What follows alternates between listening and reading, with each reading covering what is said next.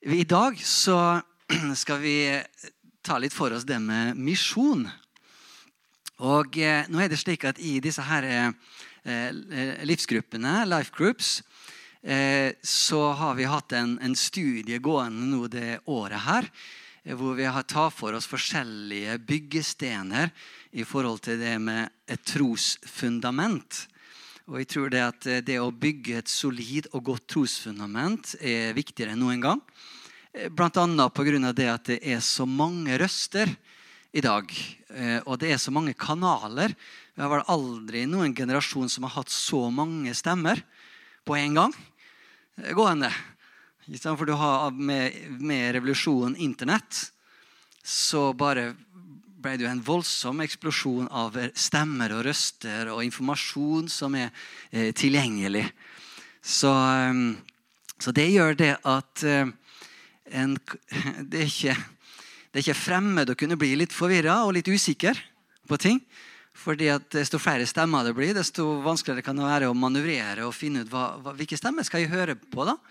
Og Hvem er det som har rett, og hvem er det som har feil? og Har begge rett? Eller hvordan skal jeg forstå det her? Og Da tenker jeg at det er ekstra viktig å ha et solid kristent trosfundament. Vi som bekjenner oss som kristne og sier at vi hører Kristus til, så er det veldig viktig at vi også har et kristent trosfundament. Eh, hvis ikke så kan det lett bli det at en eh, faktisk eh, bekjenner seg som kristen og kanskje faktisk høre Kristus til, men likevel leve som i et annet trossystem.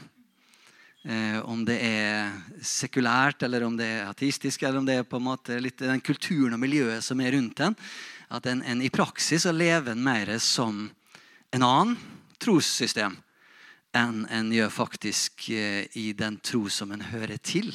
Eller Kristus som en hører til. Så Derfor så er det blant annet viktig å få bygge et trosfundament.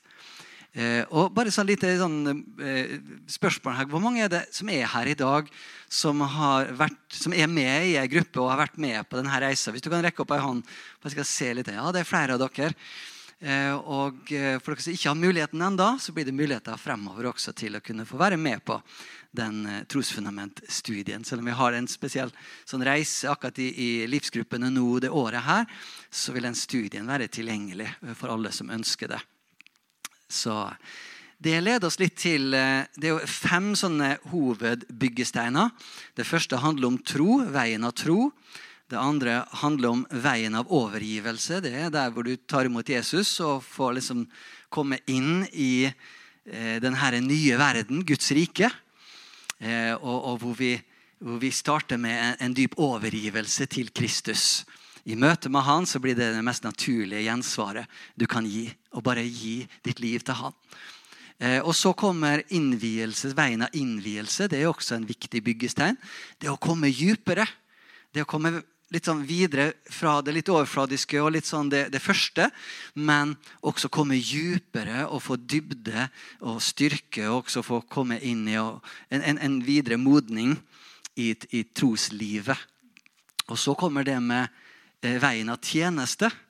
For det ser du med disiplene også, at det kommer en tid hvor eh, de hadde vandra med Jesus en stund. Det står bl.a. det at Jesus dro dem nær til seg for at de skulle være nær han. Men etter det, ei stund etter det, så begynner Jesus å sende dem ut. Og da har vi veien av tjeneste. Det å ikke bare ta imot, men også det å tjene andre. Det å ta det du har erfart, det du har fått ta imot, tatt imot. Det du, det som har blitt levende for det, gi det videre til noen andre. Og tjen noen andre med det du har fått. Og så er vi da på det femte punktet som vi da er på nå, som er veien av misjon. Og det ser vi Etter at Jesus døde og sto opp igjen, så var det den neste store fasen som kom inn i uh, disiplene da, men som da ble apostlene. Eh, hvor at Jesus sa det at nå reiser jeg, men dere skal gå ut. Og det skal vi snakke litt mer om i dag. Vil du si noe? Nei? Da, da, ja, da fortsetter vi bare. Eh, fordi at eh, Det var litt sånn innledninga. Eh, og så er det jo slik at det er to ord. Nå er det jo slik at Dere som er med litt på den studien som vi har i gruppene, da vet dere det at for hver sånn ny leksjon så er det gjerne mer innhold og mer stoff i de leksjonene enn får tid til både å snakke om i gruppa og, og sånn i bare én preken her nå i dag. Eh, så, eh, men jeg har lyst til å løfte frem to ting. To ord, kanskje, når vi snakker om misjon. For det er veldig mange undertemaer som en kan berøre. og kan, Derfor er det litt vanskelig for en bibellærer å velge å finne temaet. Fordi det er så mange å velge mellom, og det er så mange som er så spennende. Og det, Bibelen er så rik, og troen er så rik. Men jeg har lyst til å løfte frem to ord. Og Det første er misjonskallet. Det er det første ordet. Misjonskallet. Det andre ordet, som vi også eh, skal ta litt tid på, det er misjonsmarken. Så det vender blikket litt mot to forskjellige deler av den større eh, konseptet av hva misjon er for noe. Så for å snakke om misjonskallet så tror jeg det er at vi må lese noen bibelvers. For det var ikke jeg som kom på det her. Det er vår overhyrde. Det var han som satte det her i gang. Gud selv som satte de her hjulene til å begynne å rulle. Så da vil jeg faktisk at du skal bli med meg til Gamle testamentet. Selv om jødene ikke hadde misjon primært i sitt oppdrag i Det gamle testamentet, så kan vi finne at allerede i Det gamle testamentet og blant det jødiske folk og det, i det profetiske ord så dukker opp det her ordet om at hele verden skal nås en dag. Og Hvis du blir med meg til første Mosebok Første Mosebok, og i kapittel 12, der handler det om en, en, av, eh, en av de kanskje viktigste, iallfall eh, veldig viktig person i, i, jødisk historie og jødisk tro. Det er Abraham. Og Legg merke til i kapittel 12 og vers, fra vers 1 så er det Gud som taler til Abraham. Og gir han et oppdrag. Og det oppdraget er i flere deler. La oss lese det, og så utforske det som står her. I kapittel 12 vers 1 så står det Herren hadde sagt til Abraham, dra ut fra ditt land og fra din slekt og fra din fars hus til det landet som jeg skal vise deg. Og bare et sånt lite en sidetanke. Um, interessant hvor Gud til tider kaller oss mennesker ut og inn i noe. Ut av der vi er, og inn i noe annet.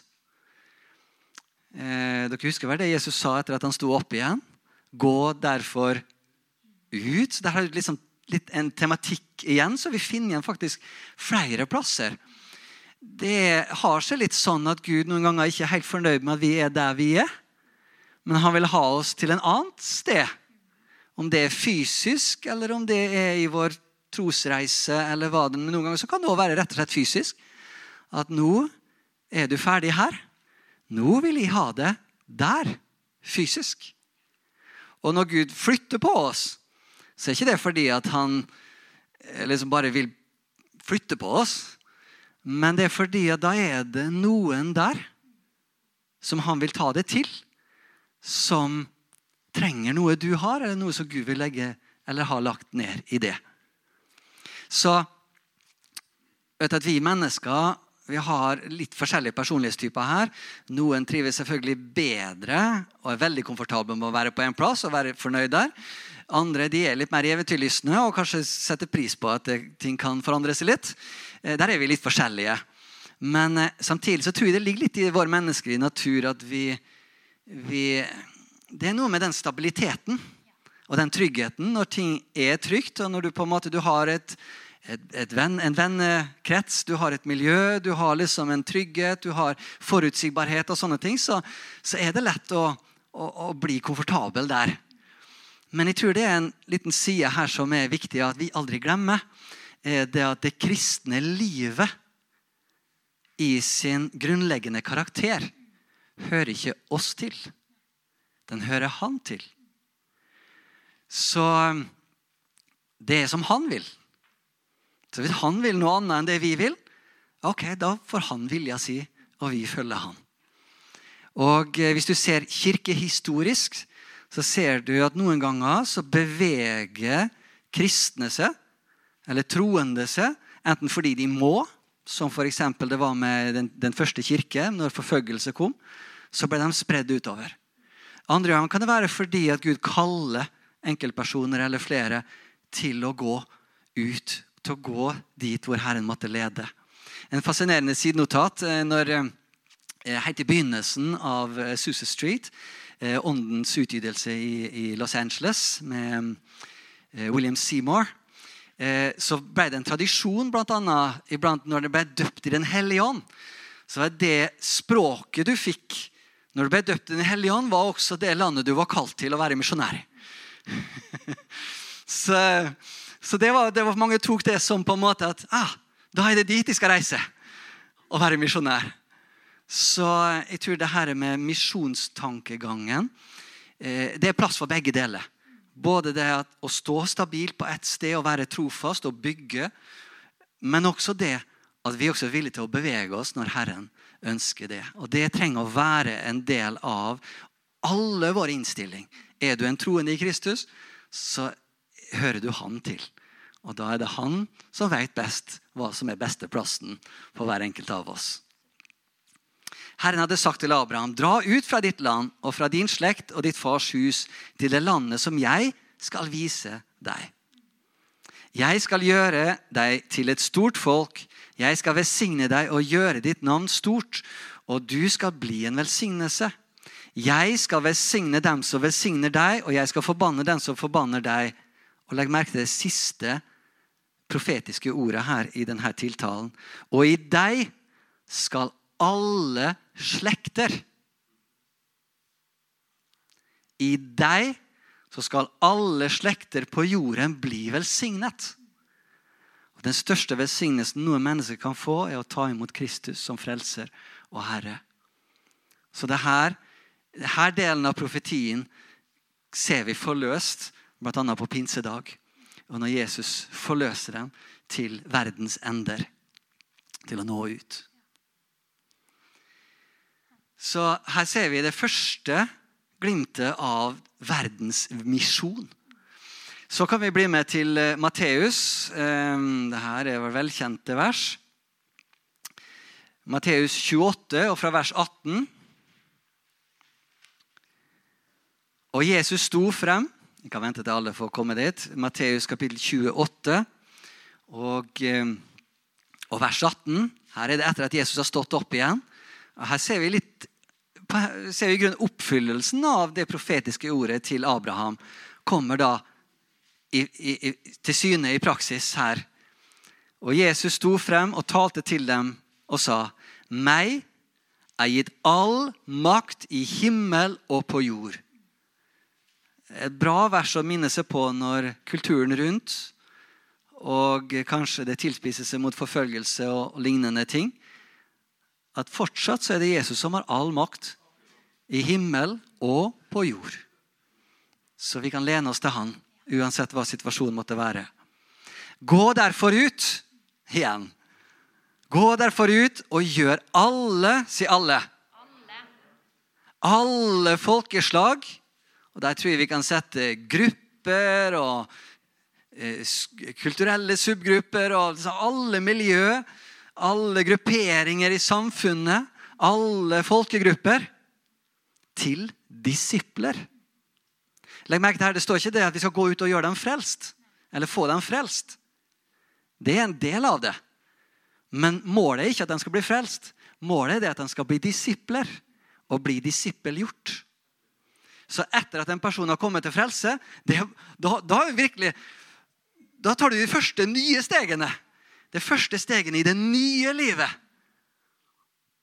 Og da starter du på den virkelige reisa i livet. Det som har vært før, det er på en måte lagt bak deg. da. Nå starter du på det virkelige livet av å bli en disippel av Jesus. Få legge av mange ting som du har dratt med deg fra verden. Hmm? En disippel, ja. Det er en etterfølger av Jesus. En som følger Kristus. Og det krever både studie, og det krever innvielse, og det krever søke Gud og bønn og fellesskapet med andre troende. Og gjerne koble seg på med noen som har vandra med Jesus litt lengre. Og lært noe som du sjøl ikke har lært. Som kan være med å forme. Og så er vi med på å lede og hjelpe hverandre fremover til mer Kristus-likhet. Amen. Idet dere døper dem til Faderens, Sønnens og Den hellige ånds navn og lærer dem å holde alt Wow. Hjelp. Holde alt det jeg har befalt dere. Der trenger vi i hvert fall hverandres hjelp og støtte og oppmuntring. For det klarer vi ikke i egen kraft. Men kan vi oppmuntre hverandre? Kan vi skape en kultur av at OK, prøv igjen. Det her får du til. Vi ber igjen. Kom igjen. Vi ber. Og så ber vi om Guds nåde. Ber vi om styrke. Ta et, ta et steg igjen. Ok, Du snubla litt. Ok, Vi reiser oss opp igjen. Her er jeg. Vi står sammen med det. Skaper vi en kultur av å heie på hverandre og hjelpe hverandre fremover. Og se, jeg er med dere alle dager inntil denne tidsalders ende. Amen. Du må bare skyte inn hvis det er noe. Ja. Apostelens gjerninger kan vi ta neste. Det er litt i samme tidsperiode her, men en annen uttalelse. Eh, og Da skal vi gå til eh, det første kapittelet. Apostlenes gjerninger. Alt det her, alle de her bibeltekstene her handler om misjonskallet. Kapittel 1. Misjonskallet. Og la meg si det, at alle som hører Kristus til, har mottatt misjonskallet. Det betyr ikke at alle skal reise til Kina eller Afrika. eller hva Det er. Det vet Herren best hvor han vil ha oss hen. Men vi alle har mottatt et misjonskall fra det øyeblikket du tok imot Jesus og sa at 'jeg vil følge det for resten av mitt liv', og jeg hører det til, og gi fra meg min vilje. Og det er du som bestemmer i mitt liv. Så tok du også imot misjonskallet. Så det er litt å leve litt med hva du pleide å si, løse teltplugger. Liksom det er, så skal vi alle leve. Om du blir på samme plass de neste 20 årene, skal du fortsatt ha litt løse teltplugger. Du er åpen for at Herren kan tale, og at du kan kjenne ditt hjerte at nå vil Herren flytte på meg. Det betyr ikke at du nødvendigvis skal rase av gårde med en gang. Noen ganger så er det en litt modningsprosess frem til du faktisk skal ta det steget. Men du kan begynne å kjenne, og Herren leder. Og Herren bygger sin menighet som han vil. Takk og lov. Det er veldig fint å slippe i å blande meg borti det. Han er mye flinkere på det enn jeg. Um, eller noen av oss andre. Apostlenes gjerninger, kapittel 1, og hvis vi leser der ifra vers 4 Og da han var sammen med dem, befalte han dem å ikke forlate Jerusalem men å vente på Faderens løfte de hadde fått. Gå ut. Men nå sier han, 'Vent'. Ok. Um, ikke forlate Jerusalem, men vente på Faderens løfte, det som dere har hørt av meg. For Johannes døpte med vann, men dere skal bli døpt i den, med Den hellige ånd ikke mange dager heretter. Så vers 8. Men dere skal få kraft. Si 'skal få kraft'. Men dere skal få kraft når Den hellige ånd kommer over dere. Og dere skal være vitner. Hvis du lurer på hva en misjonær er, så har du ordet der. En misjonær er et vitne. Og hvordan det vitnesbyrdet skal både komme og formidles og osv. Det må jeg be en hellig ånd om visdom og hjelp til. Men en misjonær er et vitne. Vitner om meg. Så Der ser du også hvem vitnesbyrdet handler om. Det handler om han. Jeg er et vitne om Han. I Jerusalem og i hele Judea og Samaria og helt til jordens ende. Så her ser vi hvordan ok, Dere starter i Jerusalem, og så utvider det seg og utvider det seg med litt hjelp av litt forfølgelse. utvider det seg, Helt til vi skal nå ut til jordens ender. Så kan du bli med til siste kapittelet i Apostlenes gjerninger. Apostlenes gjerninger 28. Og Det er flere ting vi kunne lest der. Eh, du kan lese på egen hånd hvis du vil, eh, fra vers 17 der og utover. Det er liksom der hvor eh, Paulus lander i Rom og fortsetter sin tjeneste ut fra Rom. Noen ting skjer der. Men jeg har lyst til at du skal fokusere på de siste versene, de siste ordene, før boken 'Apostlenes gjerninger' lukkes. I den form av at boka lukkes, men arbeidet fortsetter. Så på en måte så er den boka ikke lukka ennå. Jeg kan også si det at selv om det ikke er lagt til i, i Skriften, eh, så, så har vi fortsatt å skrive apostlenes gjerninger i 2000 år i kirken. Og det blir spennende. Jeg gleder meg sånn til jeg kommer til himmelen. Og skal få lese bøker. Kan få lese kapittel 29, 30, 31, 2020 osv. av apostlenes gjerninger.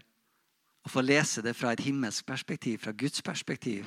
Hva han ser. Men la oss lese det her fra vers 30. Apostlenes gjerninger 28, vers 30. Så bodde Paulus i to hele år i sitt eget leide hus, og han tok imot alle som kom til ham. Med all frimodighet forkynte han Guds rike. Han var et vitne, og han forkynte og formidlet Guds rike og lærte om alt det som hører Herren Jesus Kristus til, uten å bli hindret.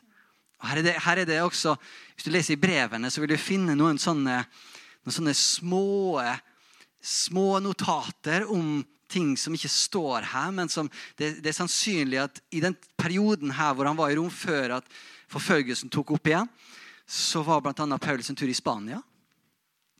For det er en plass i brevene hvor det refereres til bl.a. Spania.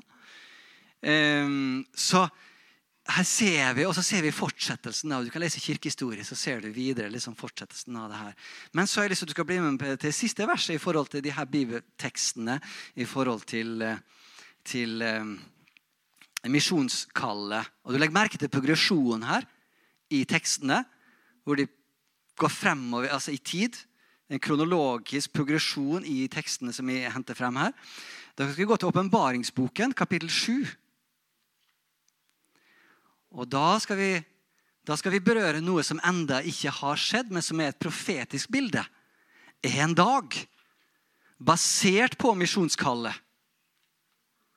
så skal vi i sammen få oppleve noe. I åpenbaringsboken, kapittel 7, Eh, Johannes' åpenbaringa, siste boken i Bibelen. Der står det i kapittel 7, og fra vers 9 så står det Deretter så jeg, og se, en stor skare som ingen kunne telle. Av alle folkeslag, stammer, folk og tungemål som sto foran tronen og foran lammet, kledd i hvite kjortler, som med palmegrener i hendene sine. Og de ropte med høy røst og sa, Frelsen tilhører vår Gud, Han som sitter på tronen og lammet. Så en dag, og vi som sitter her i dag, kommer til å være i den forsamlingen der som ikke er til å telle, for det er så mange.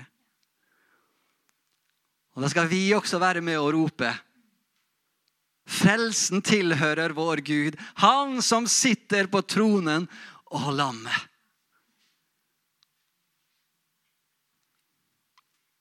For noen berørte vårt liv.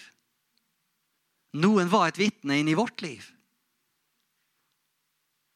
Som vekte noe i oss ved Den hellige ånd, og som gjør at en dag skal vi stå der med generasjoner på generasjoner bak oss av mennesker som har tatt imot Jesus og hører han til. Det her syns jeg er et, et, fantastisk flott bilde av misjonskallet. For det gir oss litt perspektiv også. De vi vitner for, de vi møter i hverdagen, de Den hellige ånd virker gjennom oss til. Åh, vi ønsker at de skal bli med der fremme. Vi vil ha dem med til å være sammen med oss på den dagen. Og være en del av den folkeskaren.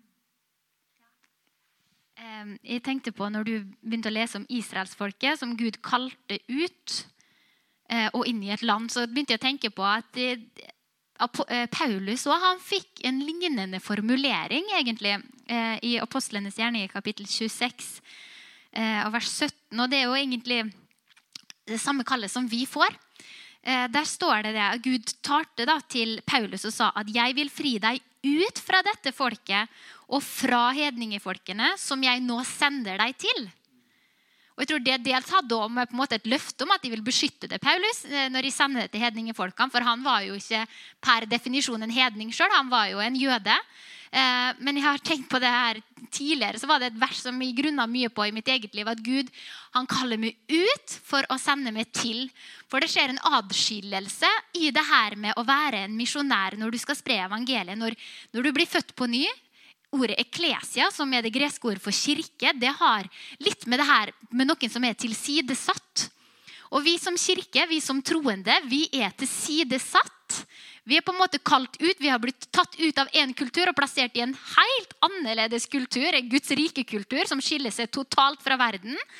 For at vi skal kunne gå tilbake inn i verden med vår kultur og så starte påvirkninga andre veien. om du skjønner.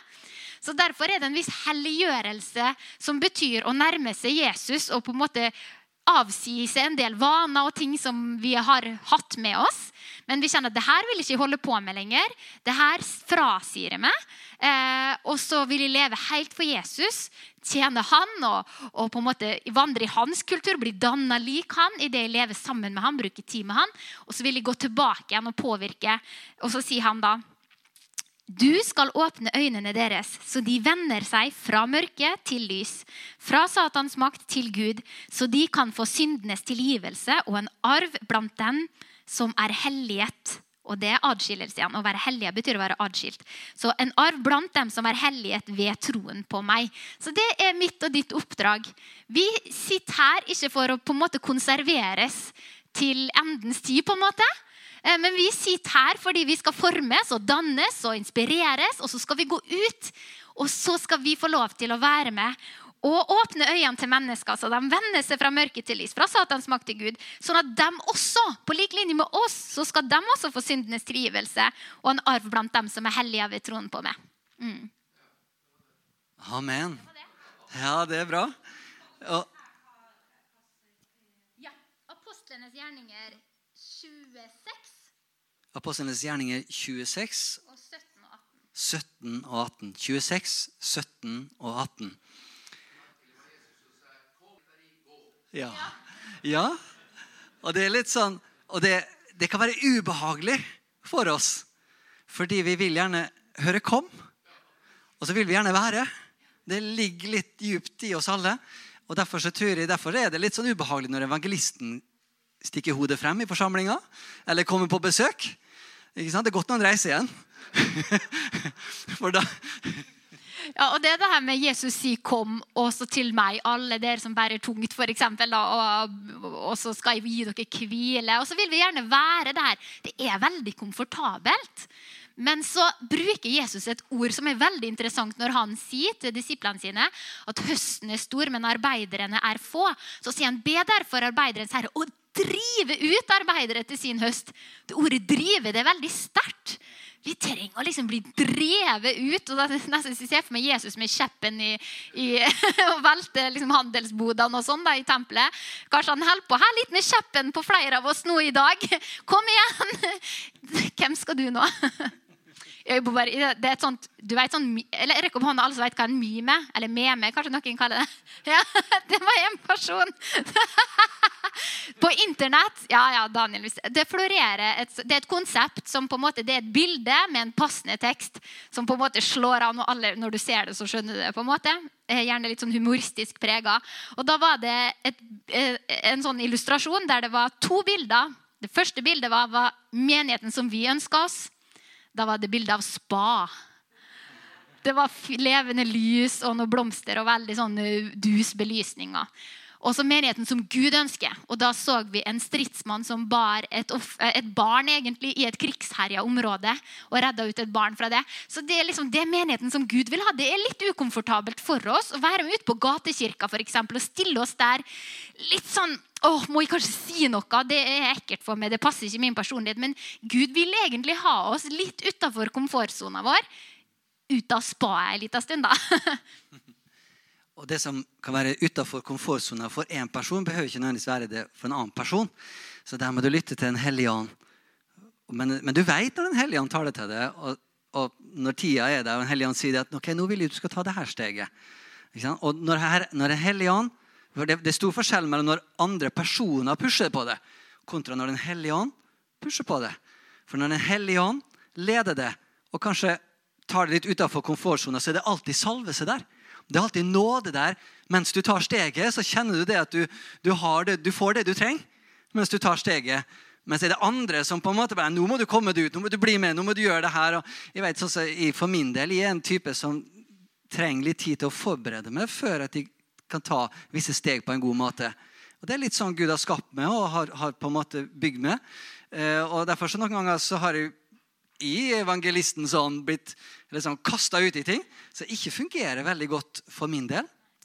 Klart Gud kan gi nåde for spesifikke situasjoner. Hvis det ikke er noen andre der, så kan, så kan Gud bruke meg likevel. Eh, og Det har jeg også opplevd, at, Gud, at jeg har fått nåde spesielt. Men jeg må, jeg må, vandre i den gave som Gud har gitt meg. Der problemet ligger, er når jeg ikke vil bruke den gaven som Gud har gitt meg. Ja, bare for å illustrere det, da. Det, vi er jo et godt eksempel på mange forskjeller, for vi er ganske forskjellige der. Da jeg var ung, så hadde vi en del gatemøter nede på torget i Molde. Da hadde jeg et motto. for Jeg ble ofte spurt om jeg ville dele et vitnesbyrd, for jeg var frimodig og, og utadvendt. Og sa alltid ja. Men jeg syntes det var veldig vanskelig å forberede hva jeg skulle si. Så jeg hadde et motto, eller det var et bibelvers som jeg sto på. Og det var det Gud talte til Moses. Moses stamma, han vegra seg for å stille seg framfor folk. Ehm, så sa Gud til Moses at Åpne din munn, og jeg vil fylle den. Så det var på en måte min innstilling da når jeg ble spurt vil du ta det på gata etterpå. Ja! Og så tenkte jeg yes, Gud, jeg skal bare stille meg fram og åpne munnen min, så skal du fylle den. Så jeg planla ingenting. Jeg bare stilte meg fram og tok mikrofonen. Og så kom det jo noe, da. Det gikk jo bra. Men hadde vi gjort det med Finn Jørgen, stakkar, det hadde ikke vært bra. For han liker å forberede seg og liksom tenk, litt mer gjennomtenkt. det han skal si. Og det som er så fint med det, da, for nå er vi jo vi et sånt team. Eh, som gift så er vi ofte, vi møter mennesker sammen. Og da kan jeg gjerne være den som tar det første steget og starter samtalen. Men så går, jeg mister fort interessen, eller, eh, eller, eh, på en måte går tom for ting å snakke om. Men da kommer jo han inn. vet du. De, da, det har vært ganger hvor vi har vært hjemme hos folk, og så må vi dra etter hvert. Så du kan bare være igjen, og så henter vi dem en stund. og da har du, noen ganger, En gang venta vi jo til klokka ett om natta. Det var i sommer. tenkte jeg, nå må vi hjem med ungene her. Men da har han betjent i timevis. Um, så vi er forskjellige, og det er kjempebra. Det er så bra at Finn Jørgen er ikke like eh, spontan og uforutsigbar og korttenkt som jeg. Eller, ja, og at han er så grundig og kan betjene folk på et nivå som ikke jeg greier. Så vi trenger hverandre. Vi trenger mangfoldet. Så skal ikke han prøve å presse seg til å være sånn som meg, og jeg skal ikke prøve å presse meg til å være sånn som han. Og Det det kan være unntak til regelen, for Herren kan bruke oss på mange måter som ikke nødvendigvis er helt i vår personlighet. Men på det jevne så vær i din gave. Vær i det som er din styrke, som er din gudgitte styrke. Ikke prøv å kopiere noen andre. Og noen noen i Apostlenes gjerninger som prøvde å kopiere. Og det ble bare rot. Så, så det å være i din gave Og det leder meg til det neste ordet, som er da misjonsmarka. Så kan det være, hvis du ikke du sjøl har denne evangelistgaven, eller en personlighetstype som, som ligger nær til evangelisten, så kan det være litt vanskelig å følge evangelistens metoder og form. Men vi alle skal være evangelistiske. Så jeg vil si det at jeg er kanskje ikke den som på en måte roper ut høyest og snakker med alle, og sånt, men jeg merker det at når jeg får samtaler som er oppriktige og ærlige, så kjenner jeg Da kan jeg, da kan jeg virkelig Jeg kan være i mitt element. Og Den hellige ånd vet hva han har lagt ned i det. Og Den hellige ånd vet, Hvis du er åpen for det, så vet Den hellige ånd å legge til rette samtaler for det å være et vitne med den du er. Og med det du har erfart, og med det du har så langt på din vei. Så du behøver ikke å være Daniel Smenes. Du behøver ikke det som å kopiere hans form. Han har sin styrke. Han, har sitt, han er i sitt element. Og du kan være i ditt element, men vi alle skal være evangelistiske fordi vi har en misjonsmark. Og Jesus lengter etter de menneskene skal få komme nær ham. Og her han har satt oss midt imellom. Misjonsmarka der, Jesus der. Her står vi, og vi er den som skal ta steget. Og Der trenger vi hverandre, og vi trenger nåde. Og jeg håper mediterte på det her innenfor denne søndagen i dag. Og jeg tenkte på det med misjonsmarken. Så var det spesielt tre ord som sto for meg. i forhold til misjons... Og Det er mye vi kunne sagt om det med misjonsmarka, særlig sånn som i dagens samfunn. hvor, eh, Jeg vet ikke om du har merka det, men vi er igjen Samfunnet og kulturen er igjen i stor endring. Det er slik at En kultur og et samfunn går gjerne i perioder. Perioder hvor det holder seg stabilt i en viss form. Og så begynner det å endres igjen. Eh, og, det, Sånn er kultur. Sånn er et samfunn. Noen ganger så endrer det seg til det bedre, andre ganger til det verre. Noen ganger litt begge deler. Men det er strømninger og understrømninger i samfunnet i dag som er, er ekstremt aggressive og eh, sterke i forhold til å bryte ned og ødelegge og fullstendig tilintetgjøre alt som har med kristen, altså judeo-kristen Eh, verdier og eh, den arva som vi har fra den judeisk-kristne troen. Så, eh, så, det er det er en del ting Jeg har en del spørsmålstegn sjøl i forhold til hvordan de neste 10-20 årene kommer til å se ut som troende, som kristne i Norge. Men uavhengig av hvordan eventuelt ting endrer seg Det kan også bli vekkelse, det kan også mange ting kan skje på mange måter. Men Uansett så er misjonsmarka der fortsatt. Om kulturen endrer seg, om folk, hvordan folk tenker, hva folk aksepterer, hva folk sier er akseptabelt, hva folk sier er uakseptabelt, eh, så er det fortsatt misjonsmark. Og det som er viktig da, er at når ting er i endring, så må vi også endre måten vi forstår Det er det første ordet. Vi må forstå misjonsmarken. Hvis vi prøver å svare på gamle spørsmål som ikke blir stilt lenger, så taler vi litt sånn for tomme ører. Har du noen gang merka det?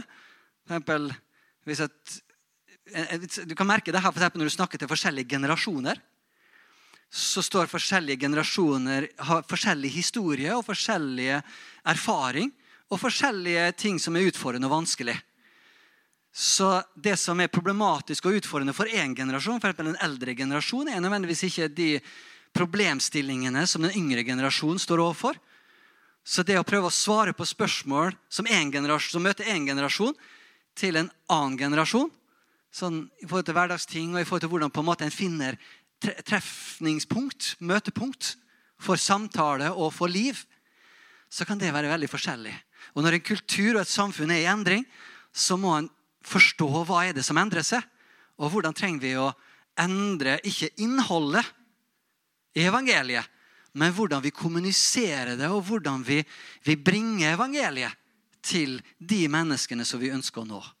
Uansett hvilken generasjon eller kultur eller gruppe det måtte være. Dette vet de som kalles til formelt til misjonærer for i en misjonsorganisasjon og skal forberede seg for over en to-tre år til å reise til en, altså en misjonsmark på den andre sida av verden. Da har du en prosess hvor de skal lære språket, de skal lære historien til det landet, de skal lære kulturen.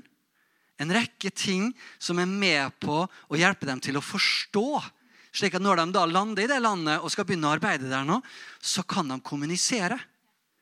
De kan forstå litt av hvor de kommer fra, slik at du kan møte de menneskene der, der de er. Og ikke der jeg er, eller der vi er her i Norge, er. Og så videre. Så det å forstå misjonsmarken er det første. Og det andre er det å nå ut til den misjonsmarken. Og desto bedre du forstår misjonsmarken, desto lettere vil det også være å koble med misjonsmarka. Og få kontakt og få komme innafor og se hva Gud kan gjøre på innsiden av den gruppen, de menneskene som du da møter der.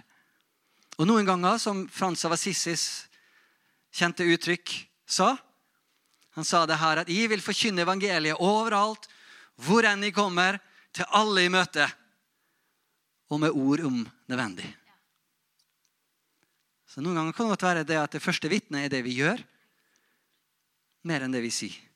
Og når hjertene åpnes, og de vil lytte, så kan du tale og bringe evangeliet.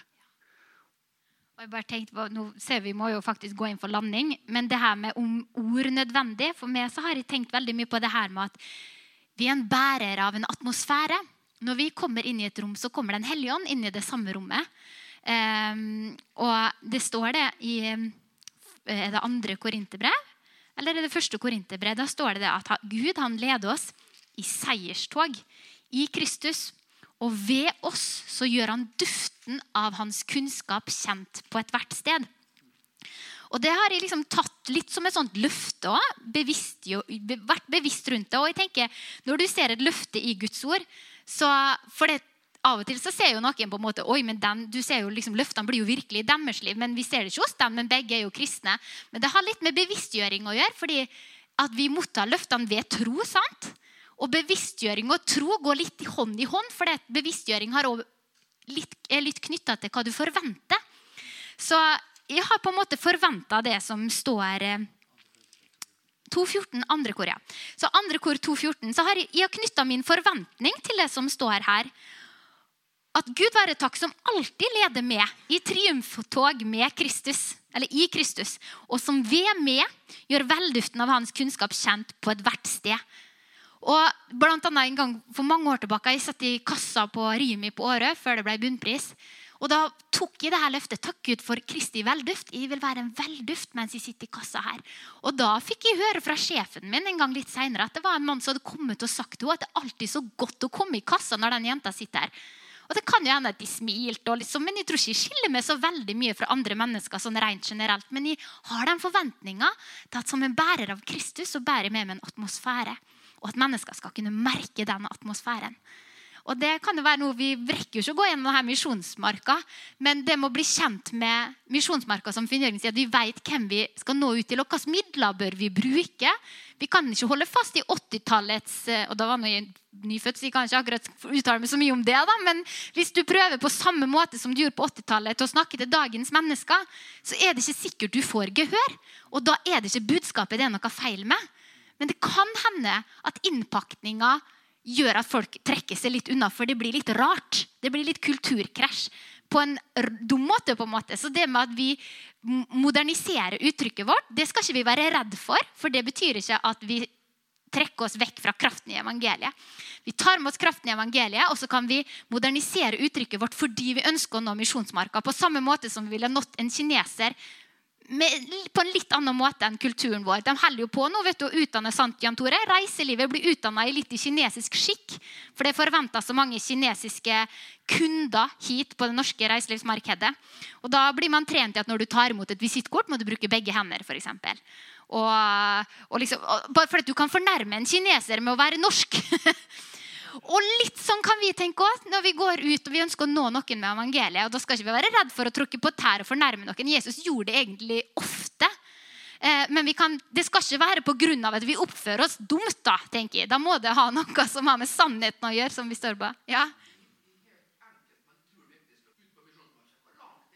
ja hvor langt er det, da? Ja, jeg tenker da, jeg tenker nå at Du kan ha den i hånda di misjonsmarka når du holder telefonen din der. og sosiale medier, eller, eller, en melding eller en telefon, eller når du går utafor døra di, eller noen ringer på døra di og du står innafor dørkarmen. Så Misjonsmarka omgir oss jo overalt der hvor vi har mennesker.